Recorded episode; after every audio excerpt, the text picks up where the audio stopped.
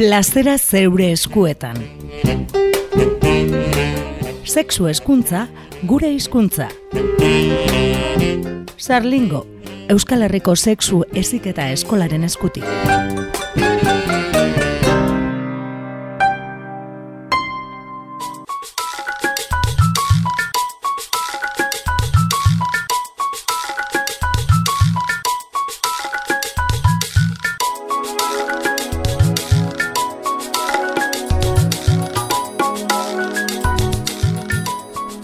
Plazera zeure eskuetan irratitartea irekiko dugu Bilbo iria irratian, Euskal Herriko sexu eziketa eskolarekin elkarlanean egiten dugun irratitartea da, eta horretarako Mikel Oribe eta Maia Urrejola batu egiten zaizkigu, haupa. Kaixo. Kaixo. Bueno, gaurkoan, eh, Albiste baten inguruan, bueltan, e, hitz dugu e, Logroñon, Herriosan, e, bueno, jasotzen ari dena, bisexologo jasaten ari diren jazarpenaren inguruan e, hitz egingo dugu, agian entzulea jakingo dute, baina pizka kokatu egingo dugu gaia, ba, Rut Arrierok eta Barbara Zanzek urtebete baino gehiago daramate irainak eta mehatzuak jasaten, eta, bueno, beraientzako e, egoera jasainen zina bihurtzen ari da. Salaketa hoien artean, ba, pervertiduak, asaldatuak edo pedofiloak direla diote. Bi sexu ezitzaileek jazarpen kanpaina bat e, salatzen dute, izaten ari dela, eta boxek seinalatu dituela, ez? Zerize sexologia elkartekoak edo zerbitzukoak dirabiak, eta herriosako eta bat zentrotan ematen dituzte tailerrak, e, bueno, ba, sexu eziketa tailerrak. E, egun hauetan, e, familia eta guraso elkarte ugarik eman diete babesa, e, eta baita jende askok, ez, sexologia elkarteak ere, elkarte biek ere agiri bat plazara dute, sexu osasunerako hezkuntza oinarrizko eskubidea eta gizarte premia dela aldarrikatuz, ez. Askotan e, aipatu dugu e, gai hau, ez, e, sexu eziketa hezkuntzan ze garrantzia duen, baina horrelako gertakariek ere oraindik gogoratzen digute, ez, gizarte honetan e, nolako jendea dagoen, ez? Gero eta txarrago gaude, oza, atxeragoaz. Orain dela urte batzuetara arte, zegoen polemika hau, ez? E, Euskal Herria mailan eginda e, Espainia osoan egiten den e, lanik potenteena, sexu eziketan, baina Euskal Herritik kanpo ere eginda, dibes, herri osan. Daramate, zazpido sortzi urte sexu eziketa egiten, eta orain dela urte batera arte ez da ezer gertatu. Mm -hmm. e, zergaitik gertatzen ari da orain, ba, boxen igokadaren ondorio ez, ez? Ba, dirudi e, fatza guzti hauek petianik egon direnak, baina kontrola, kontrolpean edo egon direnak, orain hausartzen hasi direla ba, ateratzen beraien fasismoa, ez? Eta sexologoak dira, momentuz, Euskal Herritik kanpo, e, kritika gehien hartzen ari direnak sexu e, parkatu e, eskuntza eskuntzarloan eta logroinon batez ere serize zerbitzuak. Eta bueno ona ekartzen dugu e, gure e, rud ere gure laguna delako ezagutzen dugulako badakigu zer nolako profesionala den e, eta bueno on artezina da gertatzen ari dena ez? Eta gure babes osoa ematen diogu bai. Bai, babesa adierazteko ere eta sexulogoek egiten duzuen lan hori ere berriro ere gogora e, ekartzeko. Egia esan jaso dituzten salaketak eta irainak izugarriak dira. Kontua da, hau aspaldi hasi zela, duela urtebete baino gehiago, eta urtebete baino gehiago danamate guzti hau eurek e, ba, pairatzen, eta e, honen atzean dagoena ere da, bueno, esiketari berari ere, ez, e, e, bueno, ba, atake bat edo, ez? A ber, azken finean, gezurretan ari dira. Sexu eziketaren kontrako diskurtsoa gezurretan oinarrituta dago. Ze esaten dute, e, sexu eziketa nolabait dela e, familia batzuk edo hezkuntzako profesional batzuk esarren nahi duten kontu bat. Eta ez da horrela, hau da, e, hezkuntzako legeak, hau da, lonzek beraiek, hau da, ultraeskuindarrek bere garaian, e, babestu eta boskatu zuten lege horrek derrigortzen gaitu hezkuntzan lan egiten dugun guztioi sexu hezkuntza bermatzea ikastetxeetan. Hau da, bigarren hezkuntza bukatzen duten erako ikasleek jaso izan behar dute eta euki behar dituzte oinarrizko kompetentziak sexu hezkuntzan. Hau da, ez da... E, batzuk asmatu duten zozer, baizik eta ultraizkuindarrek babestu zuten zeo zer. Beraz, e, derrigorrezkoa da. Ze gertatzen da, ba, gauz askorekin gertatzen den bezala, naiz eta derrigorrezkoa izan, ez da egiten eta ez dauka inolako ondoriorik. Hori alde batetik. Beraz, beraiek bere garaian babestu zutena orain e, kontra esan batean erortzen dira, ez? Ze, klar, honen atzean zer dago? Bueno, badago, eskuntza sistema publikoaren e, kontrako e, posizionamendu politiko bat. Hau da, e, nahi dute zalantzan jarri sistema publikoa. Punto. Eta horre, horrez gain, ere bai da, puritanismoaren, ba, ez dakizen magarren olatua. Mm. Azken finean, e, ze gertatzen da, e, karo, nola garen analfabeto sexual batzuk, eta naiz eta gota bat garren mendean egon, badirudi, e, izugarri aurreratuak egon behar garela e, sexualitateari dagokionez, baina nola gongo gara aurreratuta, sexua balore bezala ez bada kultibatu, eta sexu eziketa ez bada bermatu. Eskuntza formalean eta ez eskuntza formalean. Nola gongo gara aurreratuak. Zer esan nahi du horrek, Mikelek esan duena, atxeragoaz, ze ez da ez ere egin. Orduan nola ez, ez ere egin eta ultraeskuindarrak ja ez dute disimulatzen eta fastismoa e, demokrazian lekua duela uste dutenez, ba, ba guztionek, ba bueno, ba ibilbide bat edukitzen ari da, ez? Azken finean, e, oso oso garrantzitsu da konturatzea puritanismoa ez dagoela bakarrik e, eskuindarren ideologiaren barruan. Baizik eta eskor, eskerrekoen aldean ere bai indarra handia dauka, boteretsua da, orduan, gertakari hau e, nolabait oso arriskutsua da, ez bakarrik seksologoen txat, ez bakarrik e, eskuntza formalean lan egiten duten profesionalen txat, baizik eta gizarte moduan, jendarte moduan, ari gara sufritzen atzerakada, atzerakada bat, eta inoz baino gehiago ausartak izan behar gara, exigitzeko. Behingoz, eskuntza arloan e, lan egiten duten politikariei, sexu eskuntza bermatu behar dutela. Mm Osea, honen aurrean, atake honen aurrean, egin behar duguna justo kontrako, da, eskolae programa martxan jarri eta Euskal Herri mailan eta beste estatu mailako komunitate guztietan, sexu eskuntza programak martxan jartzea, diseinatzea eta aurrera eramatea. Ja, ezin dugu txaron gehiago. Mm bueno, seksologo moduan ere oso kezkatuta zaudete, ez? Olako e, e, gertakarien ondori, ez? E, eta gero ere, edabideetan nola zabaltzen diren e, e, bueno, e, mesu hauek eta zein punitaterekin ere e, e, politikari batzuk edo zer gauza esaten duten, ez? Eta, bueno, zur eta lur geratzen garela, askotan gu ere, ez? Entzuten.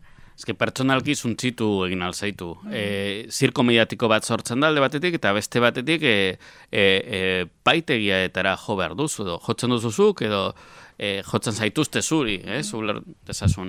Eta azkenean, e, ez zaude egiten ez zure lana, ez zaude bizitzen zure bizitza, ez dakizu zer egiten ari zaren, kolokan jartzen duzu dena, eta, a ber, ruzen egoera pertsonala ezagutzen dugu, eta ruz oso txartu egon da urte mm-hmm. batean, eta urte honetan ezin izan du ezer esan, orain, orain bai, orain ezkenan jarri dute denuntze epaitegietan, baina, bueno, baina hau da zirko bat. Eta beraiek... A, em, Argien, usteko entzuleri denuntzia eurek jarri dute, eh? Zerize seksologia elkarteak, ez? Bai, bai, a ber... Zaratzeko... Eh, bizitzen ari den jazarpen hori. Bai, hau hasi zen, aziran e, e, kristau abokatuek, jarri zituzten bi denuntzia bi ikastetzei, ez eriz ere, bi ikastetzei, ikastetze horiek ume txikiei sexu ezik eta egin omen e, e, Jesus. Bai, eta e, ikastetzeak ez zutelako, ikastetze bi horiek ez zutelako bermatu, orain modan jarri dena pin parental edo gurasoen baimen hori, ez? Azkenean, kurioso da, ze gezur izugarri handia esan zuten, eta paitegia eta eraioan ziren gezur horrekin, ze e, zerizek, hau da, Ruth eta Barbarek, ez zuten sexu ezeketarik egin umeekin, izan zen itzaldi bat gurasoekin. Bai, gurasoekin. Eta orain, fiskaliak eta paitegiak atzera buta du asunto guztia, absurda delako, ez?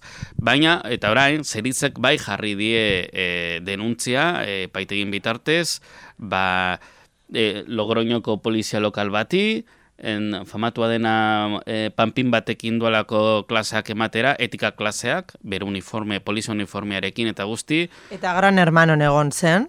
Bai, osea, gustatzen zaio telebistan ateratzea. Bai. Eta denuntza jarri diote ba, abokatu kristia, e, kristau abokatuei, elkarteari, ze bere a, errepresentanteak edo a, a, Pol, na, Polonia deitzen da, ez? Bai. Bueno, ba, itzelezko gezurrak esaten ditu, ez? Eta logroñoko apaiz bati ere bai. Bai. Eta, adibidez, e, beraiek, e, abokatu kristauek eta polizia lokal honek eta inguruan dauden guzti hauek, e, sare sozialak erabili dituzte gezurrak egiteko adibidez, potenteena. E, grabaketak egin ditu, dizkiote, eskutuko grabaketak e, Ruth eta Barbari, irakaslei edo gurasoei klase, bueno, klase edo hitzaldiak e, grabatu dituzte, gero, zatitu egin dute, eta era deskontekstualizatutan montai bat egin dute. Eta gero, montai hori erabili dute esanez, ume txikiei hori azaltzen zaiela. Beraz, demagun, adibidez, gurasoekin hitz egiten denean, e, ume txikien masturbazioari buruz, ba, gurasoen galderen gaetik, edo denelako gaetik, gero hauek zezaten dute, ba, nola ume txikiei azaltzen zaien masturbatu behar direla, ez? Errolako montai... Aztakeri bat da, aztakeri bat da. Eta berdin zaie, berdin zaie. Beraik nahi dutena hori da. Aztakiriak esatea eta komunika, komunikabideetan agertzea.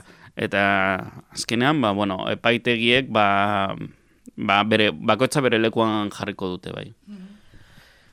Claro, ez que hemen gainera gertatzen da mm, kontra esan bat, ez? Hau da, e, sexuskuntzaren kontra dauden familia gehienen e, seme alabak ez zela eskola publikora. Hau da, mm, gutxiengoa jasotzen duela sexuskuntza, orduan hor ere zer dagoen horren atzean, ez? Eta, eta gero... Zegogo, min egiteko, zegogo, ez, bueno, Eta gero adibidez, e, Maria Moreno ad- eh, eskidetzan aditua den, eta eskola programa diseinatzen e, parte hartu duen emakume feminista batek esan duen bezala, azkenean da, eskola publikoria atake zuzen bat. Eta gainera, egia balitz, esaten ari direna, hau da, ez bakarrik e, salaketa bat eukiko luketela, baizik eta eukiko luketela ikastetxetan, Guardia Zibila, Polizia Nazionala, Hezkuntzako inspekzioko arduradunak, hau da, mundu guztia gainean eroriko zitzaiela, eta hori ez da gertatzen ari. Beraz, esaten ari dinera gezurra da. Ze hor dago kontrol bat, daude protokolo batzuk, eta protokolo horrek funtzionatzen dute, eta aurrera eramaten dira, eta hori horrela balitz, baina ez da, orduan esaten ari direna gezurra da. Baina, klaro, gero ere bai, ikusi behar dugu beraiek nola interpretatzen duten sexua. Ez, hau da, ikusten dutela, ba, betaurreko e, mm, zikinetatik, ez, sexua dela, ba, bueno, prebenitu behar den arrisku bat, pekatua, zikina, tabua, bueno, perbertsioa, Orduan, klaro, hitz egiten da adibidez, e, nola, e, sexualitatea dagoen haurtzaroan, e, umek sexualitatea dutela, umek daukatela autoerotika, umek e, e, dituztela joku erotiko infantillak, ba, eske guzti hori erreala da. Baina beraientzat hori besterik gabe baiestatzea ja da perbertsioa, pekatua eta ja horregatik salatu aldizutela. Bueno, eske hori, a ber, eh, hori da, eske hori horrela da. Ez da, orain, e, azten badira, mm, kreazionismoa ematen ikastetxeetan, ez daudelako ados, evoluzioaren teoriarekin, zeidutzen zaielako pekatua. Bauda berdina. Orduan, eske, claro, eta joko erotiko infantillak zer dira, ba, umeek ikasten dute, mun, oza, nola ikasten dute, ba, mundua esploratzen, nola ikasten dute autoerotikari buruz, ba, beraien gorputza ezagutzen. Eta besten gorputza ezagutzen badute da, jolasten ari direlako, baina ez erotika besteekin eraikitzen ari direlako hori eraikitzen dute pubertarotik aurrera, baizik eta beraien buruaren bitxartez ezagutzen dute ba, gorputza, plazerra eta guzti hori, orduan. Claro, ba, horren kontra badoaz, eta hori ezestatzen badute, bueno, ba, zientziaren kontra doaz. Argi eta garbi. Kontutan auki behar dugu ere, e, bueno, e, sexu eskuntza e, ez dela ematen, ez? E, eskuntza prozesu guztian, urte batzutan bakarrik, ez? E, e, asaldu pizka bat e, hori. A ber, teorian ofizialki eman barko litzateke zeharkako erabatean maila guztietan. Ez da egiten. Badakigu zeharkako gauzak ez direla egiten. Orduan, e, ikastetxe gehienak ez dute ezertxo ere ez egiten. Ikastetxe batzuk, e, irakasleek, beraik nahi dutelako, era pertsonalean, e, sortzen dute egitasmo antzeko bat, eta jorratzen dute edo tutoretzan, edo berain asignaturan, e, zeharka edo zuzenean. Eta beste ikastetxe batzuk, e, kontratatzen dituzte profesionalak. profesionalak, orokorrean seksologoak, baina seksologoak ez direnak ere bai, azkenean badirudi seksu eziketa edo nork egin dezakela ez. Baina hori da gutxienekoa. Mm -hmm. Hombre, Euskal Herri mailan egiten da asko ere gehiago, mm. baina adibidez, ba, ba, ez dakite, ba, Madrilen, guke Madrieko hainbat seksologo ezagutzen ditugu, eta haiek esaten duten agaitik, ia inork ez du egiten lanik eskuntzan. Beraz, ikastetxe gehienetan ez da sexu eziketarik egiten. Eta hori, amaiak aipatu duen bezala, legian jorra, e, jarrita dago, osake, jorratu behar da. Eta ez da jorratzen. Batzutan, jorratzen dituzte irakasleek beraiek, hobeto dotzarrago, eta beste batzutan, kanpoko profesionalak, edo kanpokoak, etortzen dira. Ez? Azkenean, e, seksologo gutxi gaude, ikastetzeak miak eta miaka daude, ezin izango litzateke seksologo guztiak joate ikastetze guztietara, osea, hemen bermatu behar dena da, irakasleek beraiek, oinarrizko seksologia bat izatea, ez? Oinarrizkoa behintzat, behintzat hanka esartzeko, ez? Mm-hmm. Eta ba, e, bideratzeko, ba, aurkitzen dituztena ikaslekin, ba, gauza potente batzuk, ba, jakitea bideratzen adibidez, ez? Eta hori ez da egiten. Eta hauek nahi dutena da, hori egiten den gutxi hori, zuntzitzea guztiz. Mm. Zazkenean, beraik nahi dutena da, fasista hutzak direnez, mm. arazoa ez da, e, seksologia ematen dela, edo ez zer ematen dela, arazoa da, beraiek eman nahi dutena, berai gustatzen zaiena leku guztietan. Mm -hmm. frankorekin gertatzen zena. Ez? Katolizismoa, bitu zer gertatu den Andaluzian. Andaluziako gobernu fascistak em, kendu egin du klasetan egiten zen sexuzik eta guztia, eta jarri du asignatura komplementario bezala, nola da, el, el valores cinegéticos de la caza y valores del toreo, edo horrelako oso zer, eta jarri dute asignaturetan, oza, lehen sexuzik eta ematen zen, eta orain, sartzen da norbait, eizari buruz hitz egitera, ze hona den eiza, eta, e, e, se, e, nola da, tauromakia, tauromakia, bueno, defendatzera. bai. Osea, flipantea da. Osea, beraek zer nahi dute, e, e, Frankoren garaian bizizan zutena, berriro erreplikatzea orain. Karo, hau da, sexuen arteko elkar bizitza sinergikoaren alde, ez daude. Mm -hmm. Hau da, nahi dute, mm, bikote mota bakarra gotea, famili mota bakarra gotea, hau da, e, itxia, heterosexuala, eta, eta claro, ba, gizonak dominatzea, hau da, izate androzentrista eta patriarkala, eta sexu harremanak dituzte bakarrik e, koitoa eta umeak egiteko. Eta karo, hortik kanpo, oza, edo hori zalantzan jartzen duena, edo hori izan daitekela, bueno, ez, zalantzan jartzen duen e, sistema, oza, sistema hori zalantzan jartzen du sexu eskuntzak? Claro, noski. Mm Baina ez bakarrik sexu eskuntzak. Oza, berdintasun politika publikoek, hau da, Europako gobernu guztiek martxan jartzen ari diren politika publikoak, hau da, eskazkenean, karo, eta nola ez dauden adoz horrekin, hau da, ez duten nahi aurrera egin, ba, bueno, ba, atxera egiteko modu bakarra da, ba, hau, ba, zalantzan jartzea, e, bueno, ba, azkenean, vulnerableak diren profesionalak, eta vulnerablea den profesioa dela sexologia, ez?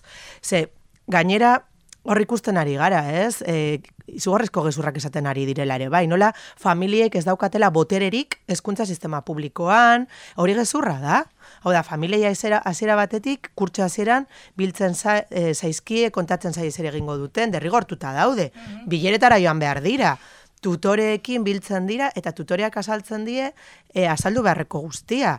E, familiek parte hartzen dut ere, bai, ez bakarrik, e, hau da, jasotzea baizik eta modu aktiboan, beraiek ere proposatzen dituzte gauzak, hanpak existitzen dira, hau da, hanpak ere boterea daukat ikastetxetan, orduan, eske, bueno, saltzen ari dira gezur guzti hauek, ba, bueno, arguki behar dugu, eta aurre egin behar diogu. Ezin gara izan ikusleak. Ez, ez, ez, eta horregaitik gaurkoan ere ekarri dugu gaia, ez? E, izan ere, ba, badakigulako bestelako edabide batzuk ere nola kuntzetzen dituzten albiste hauek, ez? Edo nolako e, lekuen eskaintzen dioten e, bestelako mesuei ere, ez?